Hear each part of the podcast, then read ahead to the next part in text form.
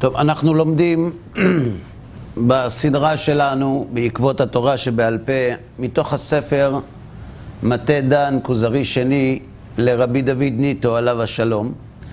ואחרי ההקדמות שהקדמנו בשיעורים הקודמים, הגיע הזמן להתחיל בהקדמה של המחבר עצמו. בדרך כלל אנשים מדלגים על הקדמות, כי הם אוהבים לגשת ישר לעניין. אבל לפעמים בלי ללמוד את ההקדמה, לא מקבלים את המשקל ואת המשמעות האמיתית של הספר, כי אם המחבר החליט לכתוב הקדמה, כנראה שיש לזה סיבה. אז בואו נשנה מהמנהג ונקרא את ההקדמה של רבי דוד ניטו לכוזרי שני. וכך הוא כותב: לפנים בישראל, כי מלך השם צבאות בהר ציון וירושלם, הייתה תהילה בארץ. כלומר, בעבר, כאשר הנוכחות האלוהית הייתה גלויה לעם ישראל בארץ ישראל, הייתה תהילה בארץ, שהמשמעות שלה יערה על נביאנו וחכמינו רוח ממרום.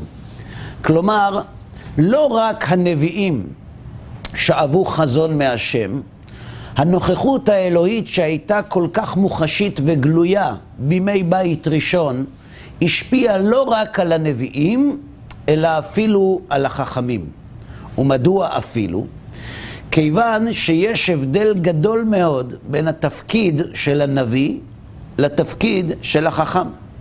כמו שלמדנו, שתפקידו של הנביא הוא להביא את דבר השם לבני האדם כדי להישיר את דרכם לעבודת השם. להזהיר אותם מן העוונות, מן החטאים, מן הפשעים, כדי ללמד אותם מוסר. לעומת זאת החכם, תפקידו היה להורות את ההלכה המעשית בקיום המצוות ובלימוד התורה. לכן, הוא מדגיש שבימי בית ראשון, השפע האלוהי, כפי שמגדיר זאת הרמב"ם, שירד לעולם, כל כך השפיע על עם ישראל שישב בארץ ישראל, שזכו גם הנביאים, אבל לא רק הם, גם החכמים, לסייעתא דשמיא הגדולה. רוח, חוכמה ובינה.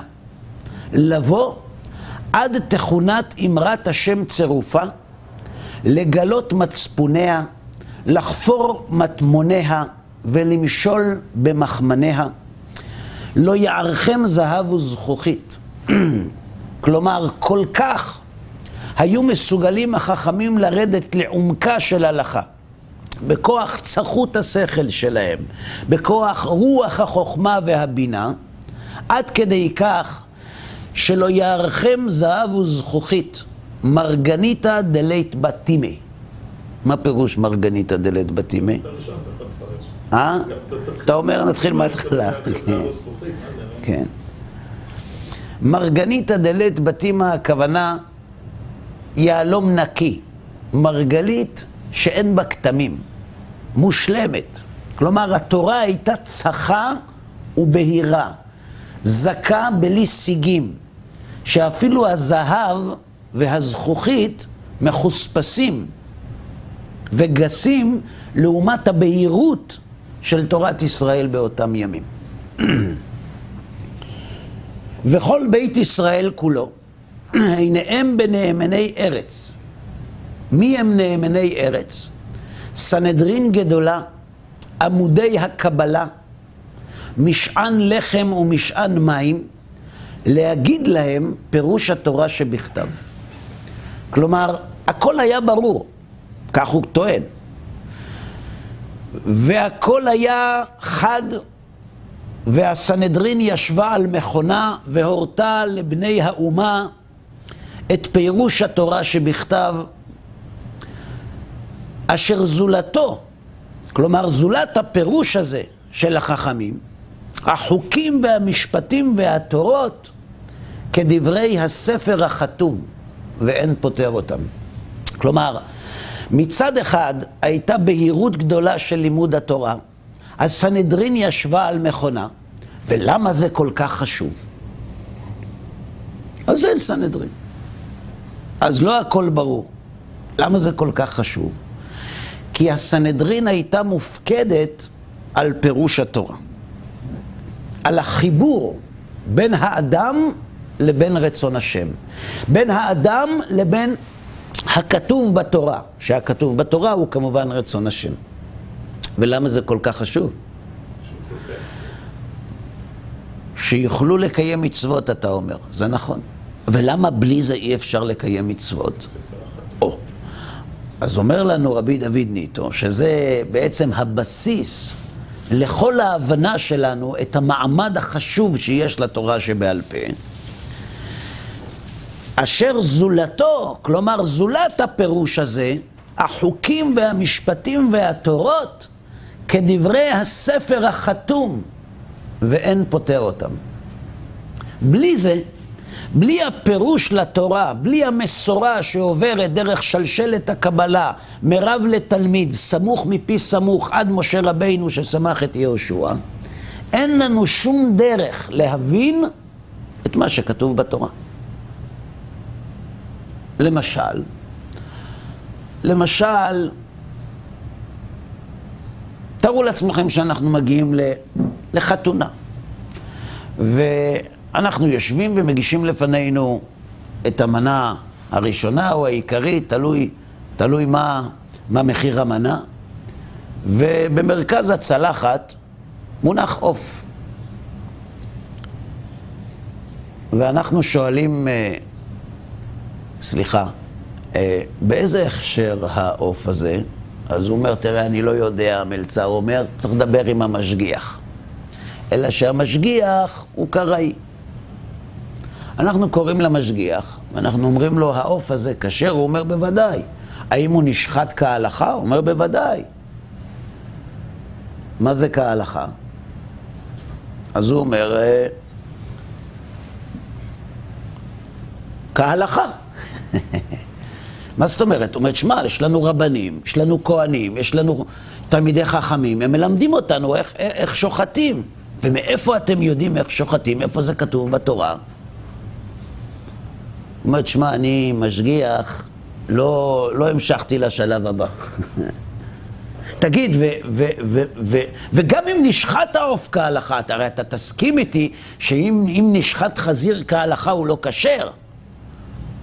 ודאי, הוא אומר. חזיר זה אסור, הוא, הוא רק שוסע השסע, הוא לא מלא גרה. יפה, ו, ומאיפה אנחנו יודעים שמותר לאכול עוף? זה כתוב בתורה. כבודו יביא ספר ויראה לנו איפה כתוב בתורה שמותר לאכול תרנגולת. מה כתוב? את מה לא לאכול כתוב. זאת אומרת, כל מה שלא כתוב מותר. כי יש הרבה עופות שאסורים באכילה שלא כתובים שם. נכון? אז איך אנחנו יודעים מה מותר לאכול ומה אסור? כלומר, סימני הטהרה בעופות לא כתובים בתורה. הם עוברים במסורת שבעל פה. לזה מתכוון רבי דוד ניטו כשהוא אומר שבלי הפירוש של מה כתוב בתורה, אי אפשר לקיים אותה. לכן כל כך חשוב שבימים בהם בית המקדש היה קיים והשפע האלוהי נתפשט בכל ישראל, שהשפע הזה גרם לבהירות בנבואה ובחוכמה, כי זה כל כך חשוב ליהודי שהוא רוצה לעשות את רצון השם, הן בעבודת השם והן בלימוד התורה ובקיום המצוות. שבלי הפירוש הזה, התורה היא כספר החתום והסתום, ואין פותר אותם. ובימים ההם ובעת ההיא אין קטטה בבתי מדרשנו. שזה נשמע קצת, קצת לא אמין. זאת אומרת, איך יכול להיות בית מדרש בלא קטטה? כל המהות של בית מדרש זה הלימוד והפלפול והעיון והמחלוקת. אבל כך הוא כותב, תכף נראה. ואין מלחמה בישיבותינו, ואין צווחה ברחובותינו, רק אמת ומשפט ושלום. האמת די משעמם. אם, אם התורה שבעל פה היא מין, היא מין ספר הוראות כזה, של הלכות יבשות, עושים ככה, עושים ככה, עושים ככה, איזה מקום יש להקים ישיבה? כלומר, בשביל מה יש ללמוד? פשוט תלמד את כל ההלכות ותמשיך הלאה. חוץ מזה, זה לא נשמע כל כך משכנע שבימים ההם אין קטטה בבתי מדרשנו ואין מלחמה ביישובותינו ואין צווחה ברחובותינו. זה, זה לא נשמע כל כך משכנע. זה נוגד את ה-DNA של העוסקים בתורה. מספרים שפעם הרב מבריסק נפגש עם רבי יצחק אלחנן, זכר צדיקים לברכה. הרב מבריסק היה ידוע בחריפות הגדולה שלו, בחילוקים שלו, ורבי יצחק אלחנן למעשה היה מנהיג הלכתי רוחני של חלק גדול מעם ישראל בגולה, והוא גם הכשיר תלמידים כדי שידעו להורות הוראה בכל העיירות ובכל המחוזות, כדי שיהודים ידעו כיצד לקיים את המצוות. הוא היה איש ההלכה. והם נפגשו. ואז הרב מבריסק הביא את האתרוג שלו והניח אותו לפני רבי יצחק אלחנן וביקש ממנו שיפסוק לו אם האתרוג כשר או מהודר. והוסיף עוד משפט, ואל תגיד לי למה. שאל אותו רבי יצחק אלחנן, למה? אמר לו, כי אם תגיד לי למה, אני אתחיל להתפלפל איתך. ועם פלפולים אפשר להגיע רחוק. תגיד לי מה ההלכה, תפסוק אותה. כלומר, כל הרעיון של העיסוק בתורה זה לעסוק השמייט את האליבא דהילכתא. כלומר, לדמות דבר לדבר, להוציא דבר מתוך דבר, להעמיק. ועל פי מהר"ל מפראג בבאר הגולה, כאשר השכל האנושי מתערב בתורה האלוהית, אי אפשר שהוא לא יתפצל ויוביל למחלוקת. כי כל המהות של הנבראים זה החילוק. ואין דעתם שווה. איך יכול להיות שכולם ישבו בבית המדרש וכולם ייתנו סברות וכולם יגידו אותו דבר? זה בלתי אפשרי. אז למה מתכוון רבי דוד ניטו כשהוא כותב שבאותה תקופה של ימי בית ראשון אין קטטה בבתי מדרשנו. הכל היה ברור. אין מלחמה בישיבותינו ואין צווחה ברחובותינו, רק אמת ומשפט ושלום. כי חכמי ישראל הקדושים והנאמנים יעידון, יגידון כולם כאחד. לכל שואל, אל טמא טמא ואל טהור טהור. כולם היו אומרים אותו דבר. כולם כאחד. זה די מחשיד. של הנשיאים, אנחנו ראינו שבלי להתייעץ אחד עם השני, כולם הודיעו פה. זאת אומרת, כשיש רוח הקודש, אז... אה, אתה אומר, למדנו מהנשיאים שכולם נתכוונו לדבר אחד והביאו את אותו קורבן. ואתה מסביר שכשיש רוח הקודש, זה לא מופקע שיקרה דבר כזה. זה נכון לגבי הבאת הקורבנות. הנקודה היא שכשאנחנו עוסקים בלימוד התורה, אין חשיבות לנבואה. לא בשמיים היא. אז אם כולם מכוונים לדבר אחד בגלל רוח הקודש, יש כאן תקלה. כי אנחנו לא משתמשים בשפע הנבואי לפסיקת ההלכה. הרבה פעמים אנחנו אומרים בגמרא, תיקו, ראשי תיבות, תשבי יתרץ קושיות ואיבעיות. זאת אומרת, יבוא אליהו ויפסוק את ההלכה. איך אליהו יפסוק את ההלכה? לא בשמיים היא. נכון? אז יש על זה תירוצים. אבל בוודאי שאין נביא רשאי לחדש דבר מעתה. ואם החידוש בא בנבואה, ולכן כולם אומרים אותו דבר, זה רק מעיד שאלה שהשיגו את זה, השיגו את זה בנבואה ואין לזה משמעות. אז מה? סייעתא דשמיא. אנחנו מדברים בבית ראשון, כן. היו סנהדרין. נכון. לא לא תנאים, לא אמוראים, זה סנהדרין. כן. חס וחלילה, בלי לפגוע, לא כן, היו, היו נביאים וחכמים. כן. טוב, בסדר.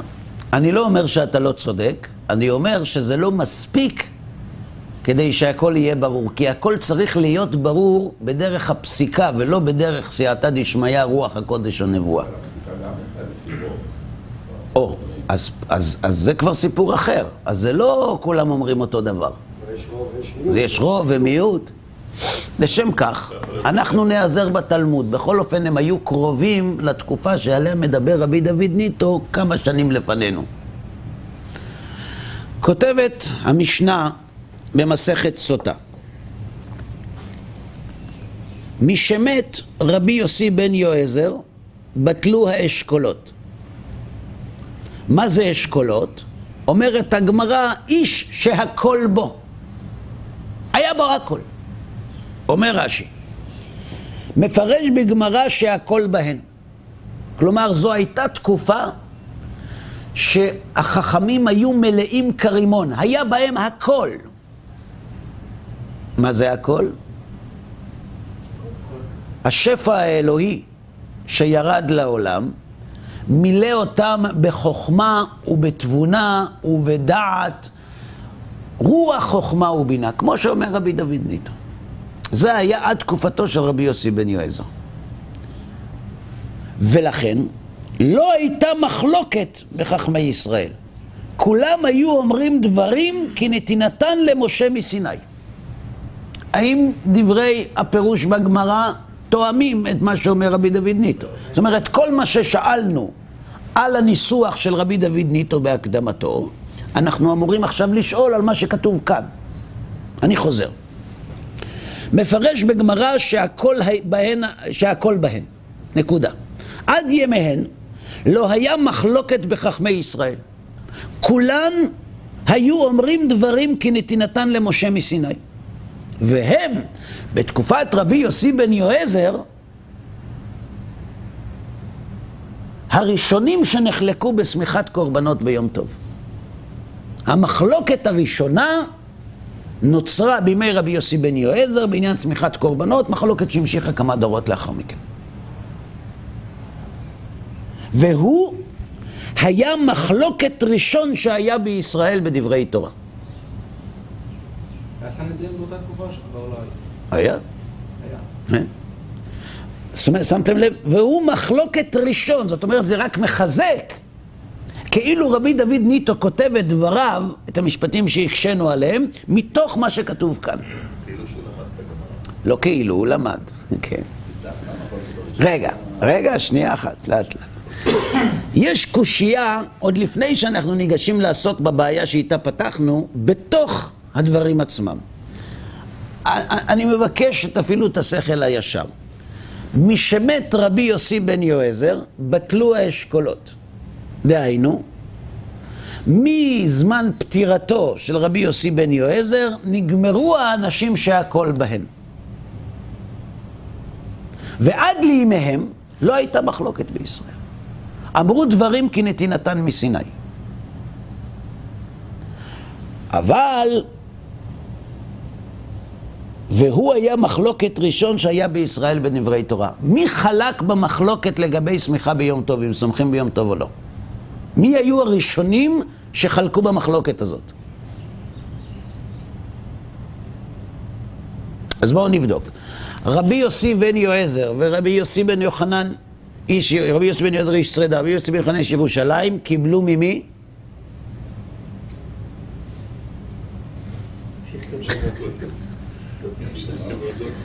מאנטיגונוס. נכון. ולמי הם העבירו? לרבי יהושע בן פרחיה ולניתאי הארבלי. אז אם אנחנו אומרים שעד ימיהם של רבי יוסי בן יועזר ורבי יוסי בן יוחנן למדו תורה כנתינתה מסיני ולא היו מחלוקות. אז המחלוקת בשמיכה, מתי החלה? משמת רבי יוסי בן יועזר בתלואי אשכולות. כלומר, כל זמן שהיה חי רבי יוסי בן יועזר, למדו תורה כנתינתה מסיני, ולא הייתה מחלוקת בישראל בדברי תורה. אז מתי התחילו המחלוקות? אצל מי? ורבי יהושע בן פרחיה. הבעיה היא שהמחלוקת נוצרה בימי רבי יוסי בן יועזר ורבי יוסי בן יוחנן. אז יש כאן קושייה מיני ובי.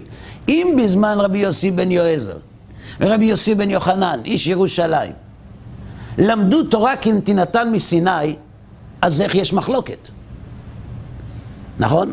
ולכן, משמע מהמשנה שהמחלוקת התחילה לכאורה אחריהם, משמת רבי יוסי בן יועזר בתלואי אשכולות. זאת אומרת, כל עוד היה חי, היו אשכולות.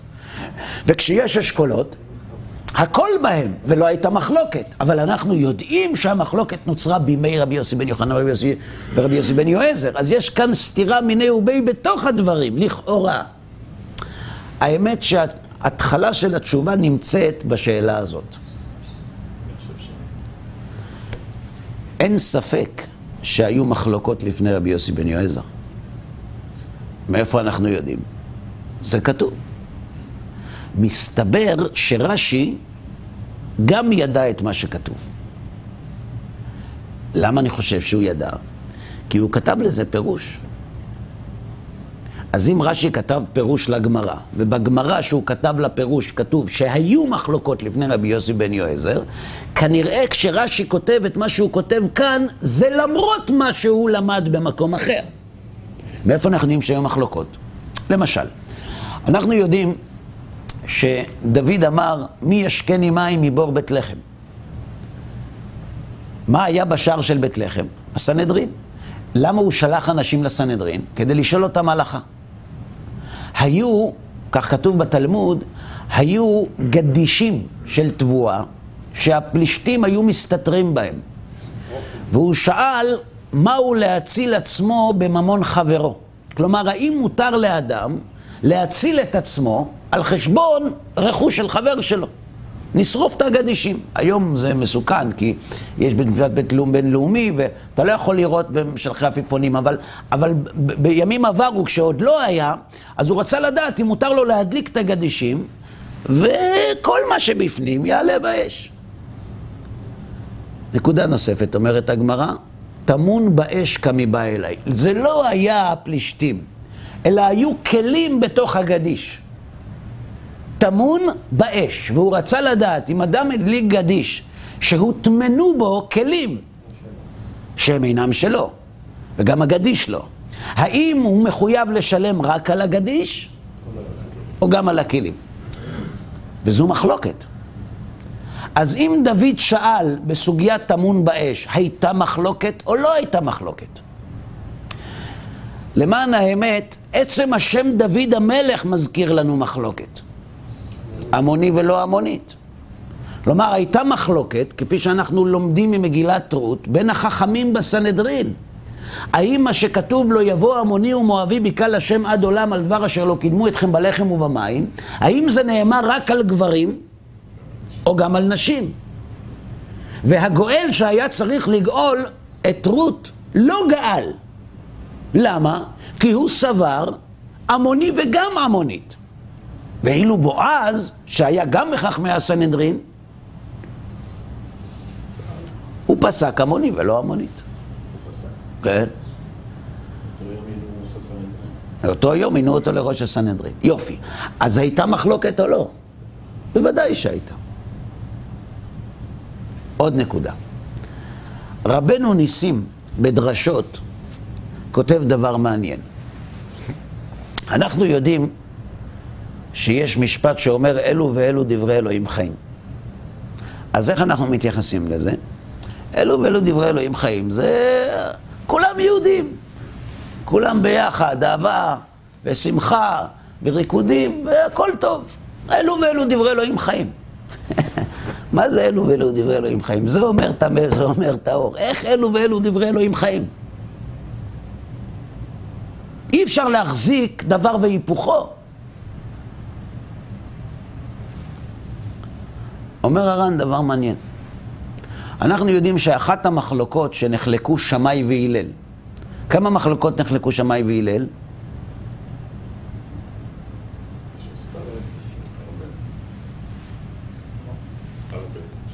שלוש. כן. מה שאנחנו יודעים על המחלוקות זה בית שמאי ובית הלל, זה לא שמאי והלל. בסדר? יופי. הייתה מחלוקת אחת של רבי יוסי בן יועזר ויוסי בן באו שמאי והלל, עשו אותם ארבע. נכון? אחת המחלוקות שלהם, מאיזה משקל מפרישים חלה? בית שמאי אומרים מקו חלה, קו זו כמות, ובית הלל אומרים קביים, שני קבין. מחלוקת בין שמאי להלל. מתי נולדה המחלוקת הזאת?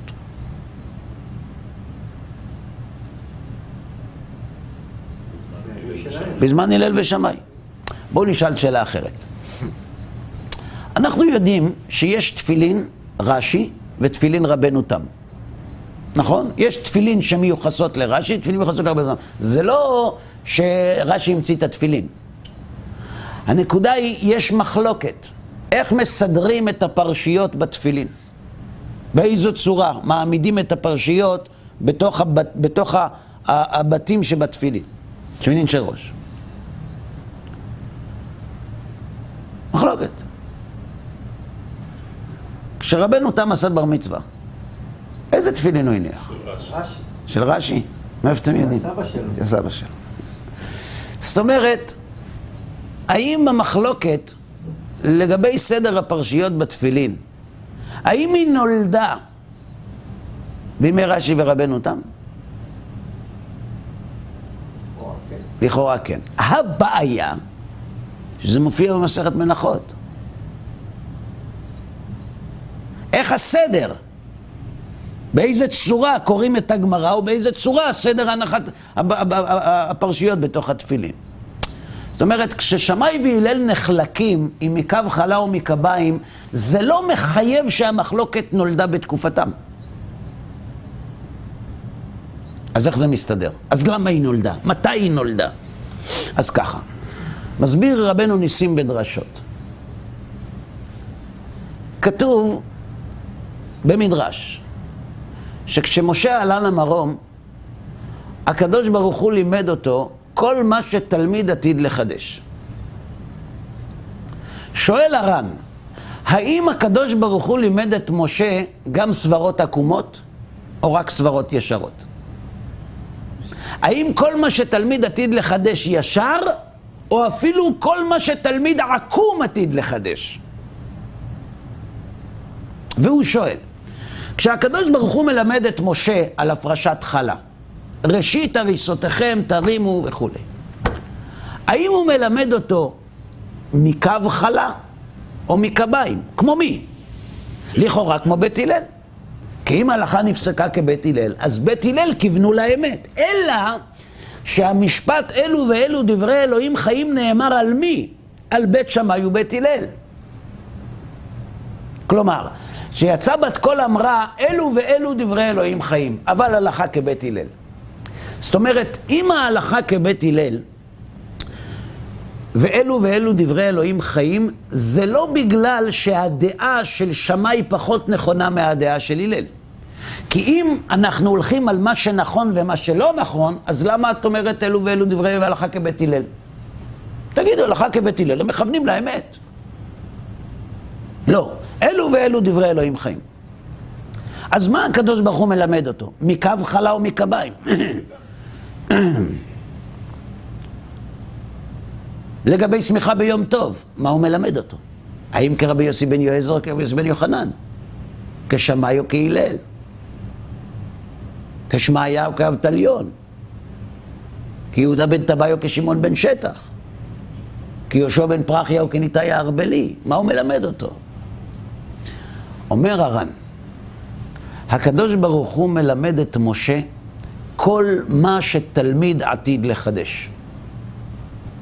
כל החילוקים והסברות האפשריות בכל הלכה והלכה. למשל, כשהוא אומר לו, בסוכות תשבו שבעת ימים, כל האזרח בישראל ישבו בסוכות למען ידעו דורותיכם, כי בסוכות הושבתי את בני ישראל בהוציא אותם מארץ מצרים. מה זה? איזו מצווה? מצוות סוכה. סביר להניח שכשהשם אמר למשה את המצווה וציווה אותו לכתוב אותה, נראה לי שכיוון שמשה ידע מי מחכה לו בחוץ, הוא שאל את הקדוש ברוך הוא אם אפשר רק... שאלה. מה זה סוכה? לא, שאני אדע להסביר. כי זה יהודים.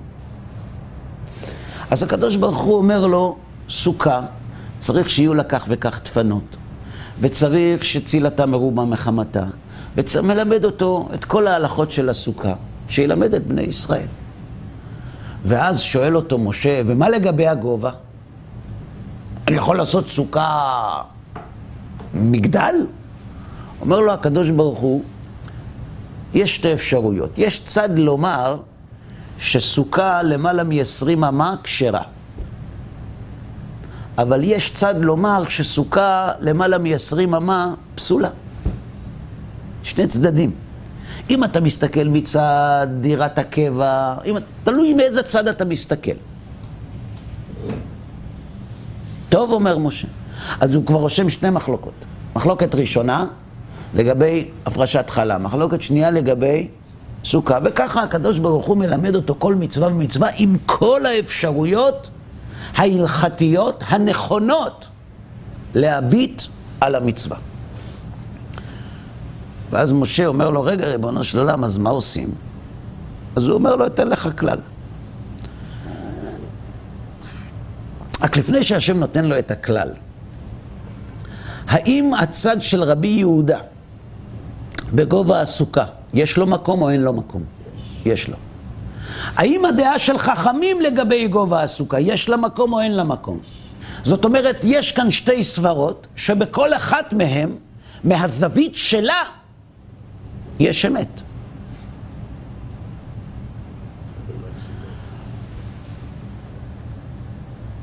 אומר לו הקדוש ברוך הוא, תקשיב, לפני שאני מלמד אותך את הכלל, אתה מבין מה הכוונה אלו ואלו דברי אלוהים חיים? יש מקום אמיתי לומר את הסברה הזאת, ויש מקום אמיתי לומר את הסברה הזאת. אומר, טוב, אבל, אבל אלו ואלו דברי אלוהים חיים זה, זה, זה יפה בבית המדרש, בסוף צריך לעשות משהו, והוא צריך להיות אחיד. אומר, לא נכון, אחרי רבים להטות. אתה תקים סנהדרין.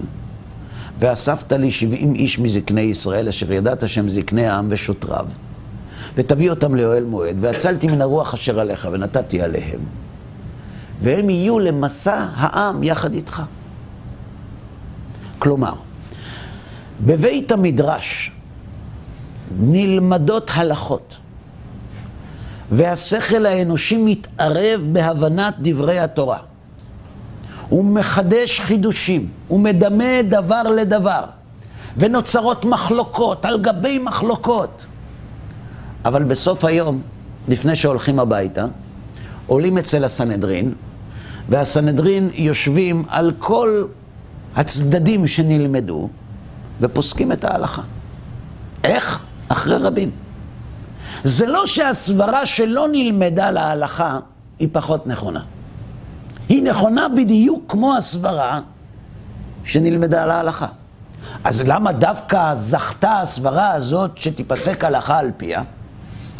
כי חכמי הסנהדרין שבאותו סנהדרין, באותה סנהדרין, דעתם הייתה בנויה לקבל יותר את הסברה הזאת מאשר את הסברה הזאת. לכן, יכול להיות שבבית דינו של משה, סברת הסנהדרין שאותן מינה משה, הייתה לצדד בדברי בית שמאי, מקו חלה. נשמע יותר נכון.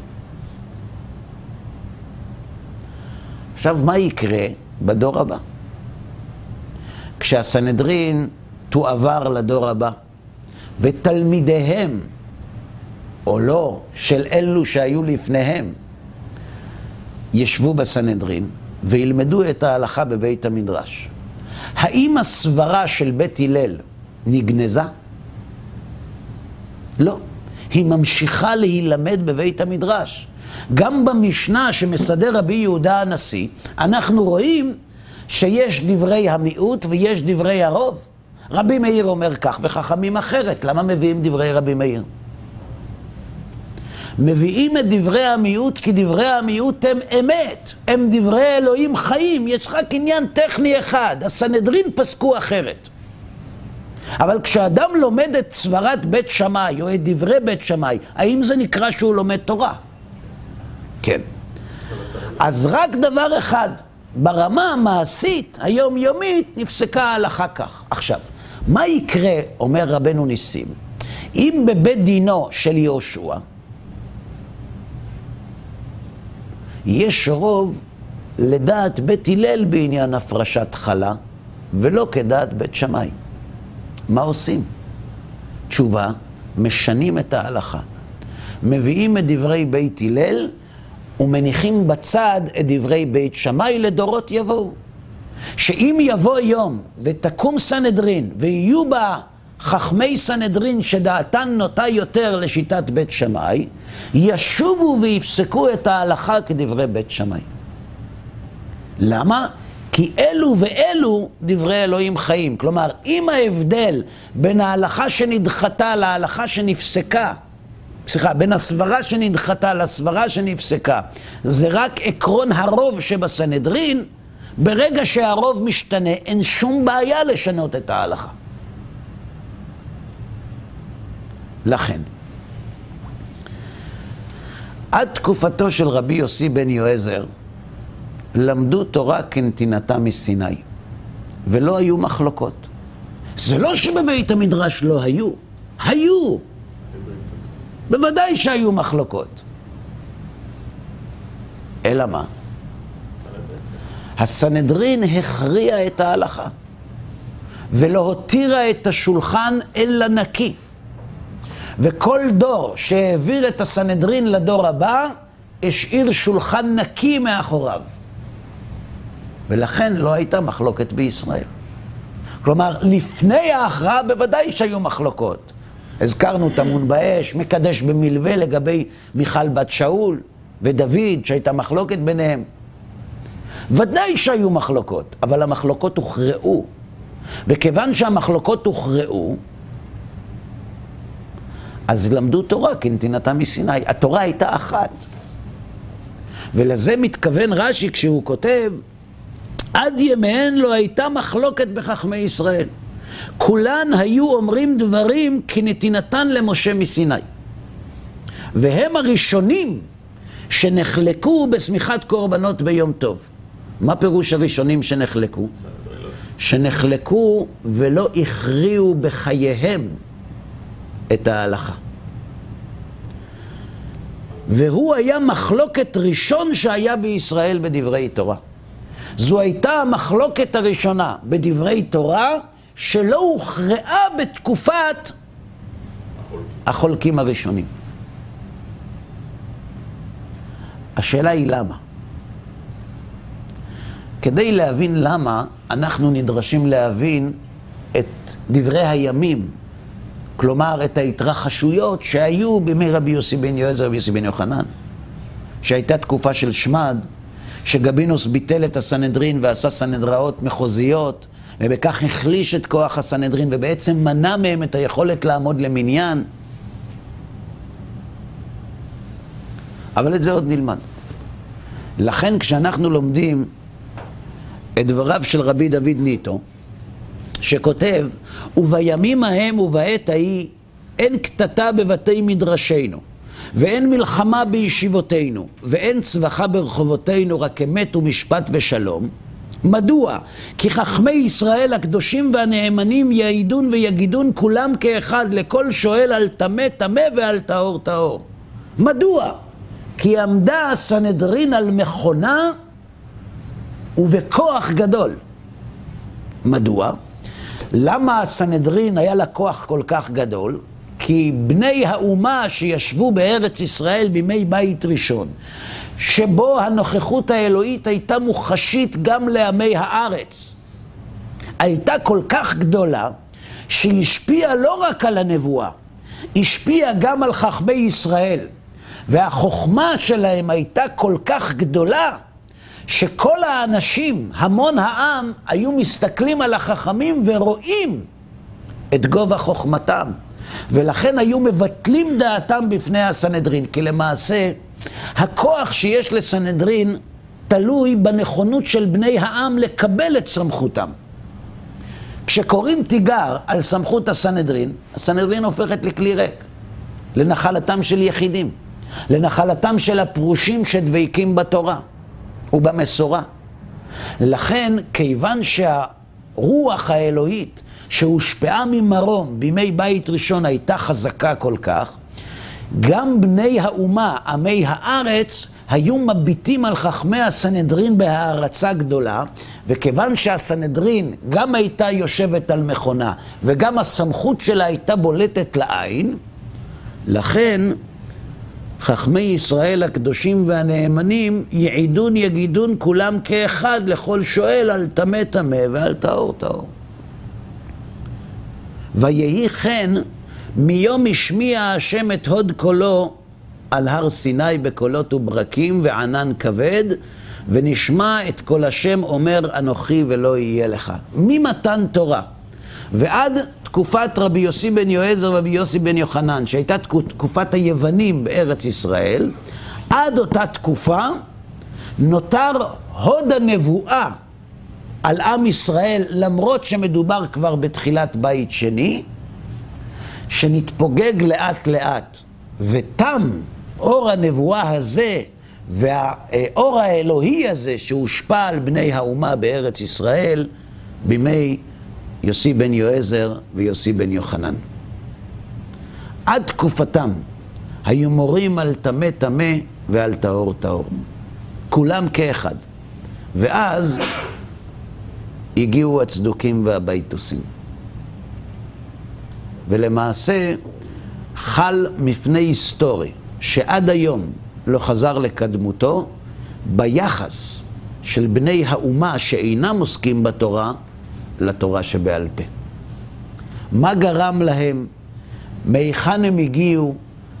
מה הם גרמו? מה הנזק שנגרם לעם ישראל בדורות ההם? על זה עוד נלמד. נקודה אחת רק נזכיר.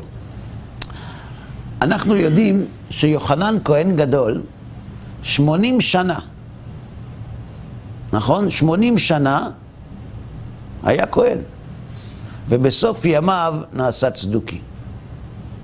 אז מה אנשים אומרים?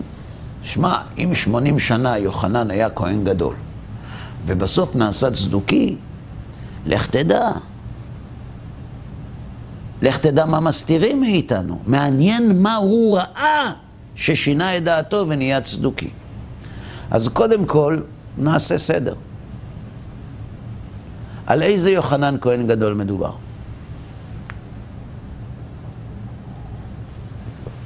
ישר כולם כאחד אומרים, בימי מתתיהו, בן יוחנן, כהן גדול, חשמונאי ובניו.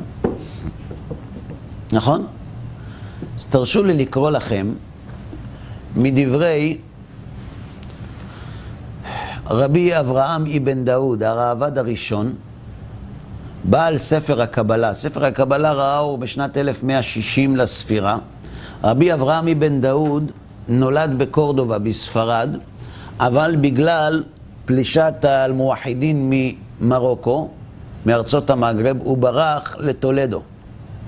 טולדו הייתה נוצרית, וב-1160 הוא פרסם את ספר הקבלה. הוא היה חכם גדול בתורה, בהיסטוריה וגם בפילוסופיה. הוא חיבר ספר שנקרא אמונה רמה, שעוסק בעשיית שלום בין תורת ישראל ובין מסורת ישראל לבין הפילוסופיה האריסטוטלית. הספר שלו נלמד רבות על ידי תלמידיו של רבי חסדאי קרסקס, שלחם בפילוסופיה, וב-1180 המלך, מלך ספרד, קינא מאוד בחוכמתו וציווה עליו להתנצר. ומה הוא עשה? הוא לא התנצר. והוא נהרג על קידוש השם.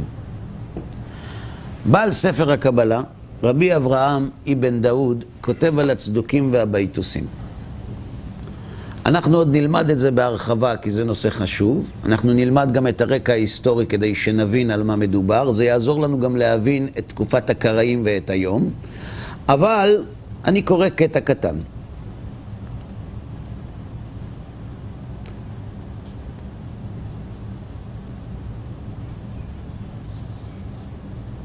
הדור השלישי, אנטיגונוס איש סוחו קיבל משמעון הצדיק וסיעתו, והוא היה אומר על תהיו כעבדים המשמשים את הרב על מנת לקבל פרס, אלא הבו כעבדים המשמשים את הרב שלא על מנת לקבל פרס. וצדוק ובייטוס שאלו על דבר זה והשיב להם תשובה, שעל מנת לקבל פרס בעולם הזה אינו בטוח, אלא על העולם הבא. כלומר, לפי דברי רבי אברהם אבן דאוד, מה הכוונה אל תהיו כעבדים המשמשים את הרב על מנת לקבל פרס? בעולם הזה. כלומר, בעולם הזה אל תקיים מצוות בשביל שכר. אבל לעולם הבא, אפשר. למרות שאנחנו תמיד לומדים לשמה. אל תלמד שלא לשמה, תלמד לשמה. נכון? נכון? אבל הוא מפרש אחרת. והשיב להם שעל מנת לקבל פרס בעולם הזה אינו בטוח, אלא על העולם הבא, והם כפרו בדבריו, ואמרו, מימינו לא שמענו על העולם הבא. מה זאת אומרת עולם הבא? אנחנו רוצים שכר פה. אומר להם, לא, שכר זה לעולם הבא. אמרו, לא, לא, לא שמענו על עולם הבא. רוצים שכר פה.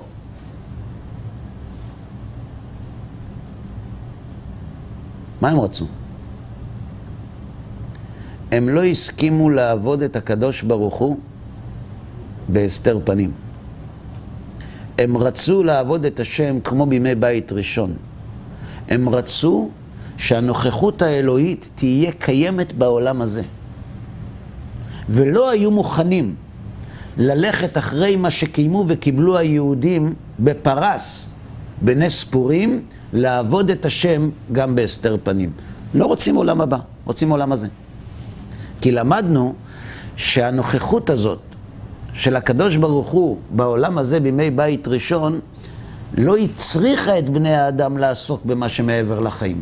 הם חיו את העולם הבא בעולם הזה. והוא אמר להם, לא, זה נגמר. זה נגמר. איך אנחנו יודעים שזה נגמר? יש לזה ביטוי, יש לזה ביטוי בדברי חז"ל. אנחנו יודעים על ירידה, ב, ירידה משמעותית בנוכחות האלוהית, לא רק בימי בית ראשון לבית שני, אלא גם בימי בית שני עצמו. מתי? אז בואו נראה. אני קורא מתוך הנספח לספר לא בשמיימי, אה, שעוסק בהיסטוריה. אז בואו נראה מה קרה.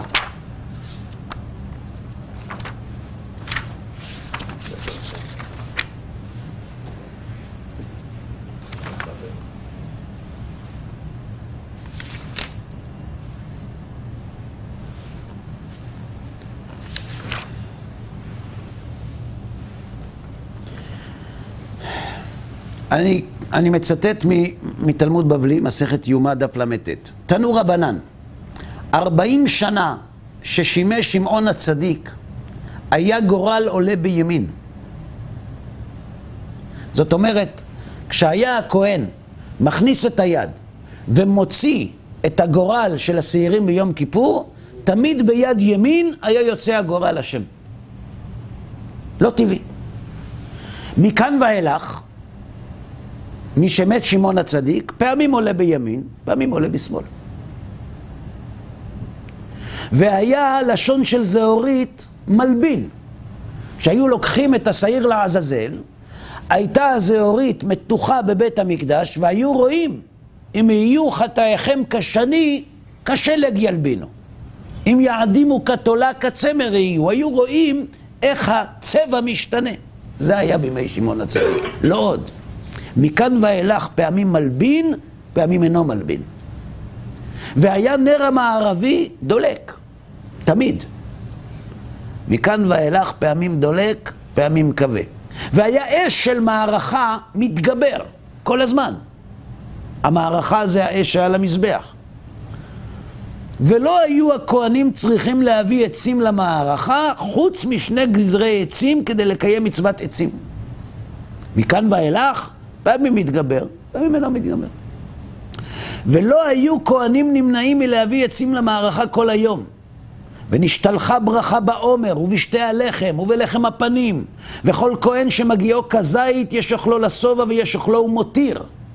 מכאן ואילך, נשתלחה מארה בעומר, ובשתי הלחם, ובלחם הפנים. מה חז"ל מלמדים אותנו כאן? מעבר לעובדות, הם מלמדים אותנו שבין שמעון הצדיק לאנטיגונוס איש סוחו, הייתה נפילה נוספת. כלומר, תהליך ההסתלקות, כפי שאנחנו לומדים גם בתורת הקבלה, תהליך ההסתלקות נעשית בשלבים. נעשה בשלבים. כשהאור מסתלק מתוך הכלי, מתוך הספירות, הוא מסתלק בשלבים. הסתלקות ראשונה, ושנייה, ושלישית, ורביעית, וחמישית. וגם ההסתלקות של ההערה האלוהית שהייתה נהוגה בימי בית ראשון נעשתה בשלבים. אחד השלבים המשמעותיים היה בין שמעון הצדיק לאנטיגונוס איש סוחו, שהיה רבם של צדוק ובייטוס. כלומר, בימי צדוק ובייטוס הכל נגמר. והם לא היו מוכנים לעבוד את השם ללא החוויה של הנוכחות האלוהית בעולם הזה.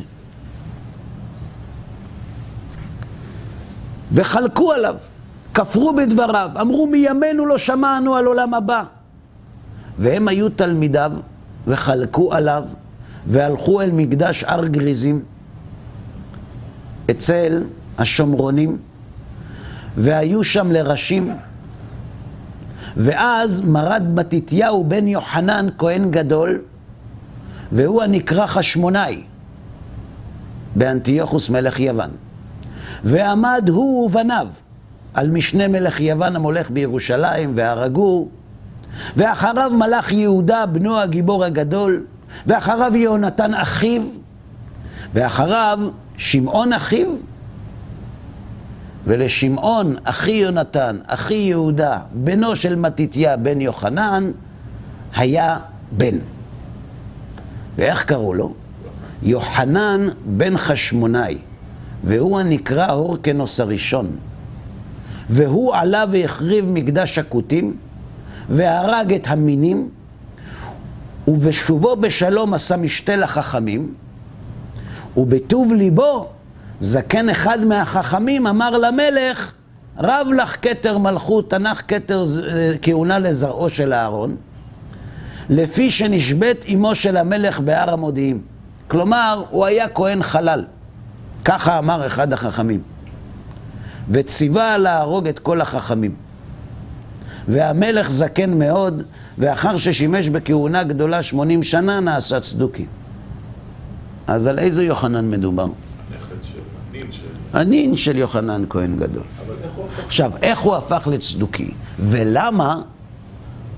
על זה בעזרת השם נלמד בפעם הבאה. עד כאן להיום.